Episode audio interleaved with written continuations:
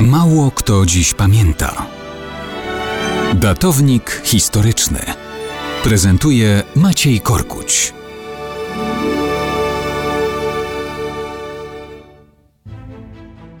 Należy pamiętać, że 22 stycznia 1863 roku wybuchło powstanie styczniowe. Wydany tego dnia powstańczy manifest odnosił się m.in. do zarządzonej przez cara branki do rosyjskiej armii. Zaczynał się następująco.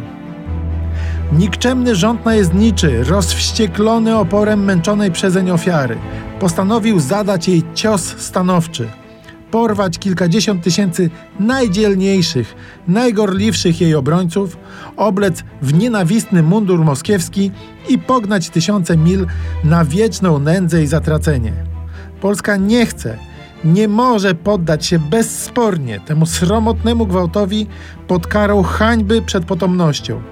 Powinna stawić gwałtowny opór. Następnie tak rozpoczęty manifest obiecywał wolność i równość obywateli w wolnej ojczyźnie. Kończył się natomiast wezwaniem do Rosjan. Poczytajmy. A teraz odzywamy się do Ciebie, narodzie moskiewski. Tradycyjnym hasłem naszym jest wolność i braterstwo ludów.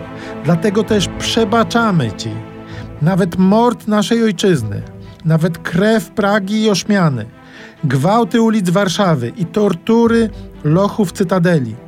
Przebaczamy ci, bo i ty jesteś nędzny i mordowany, smutny i umęczony.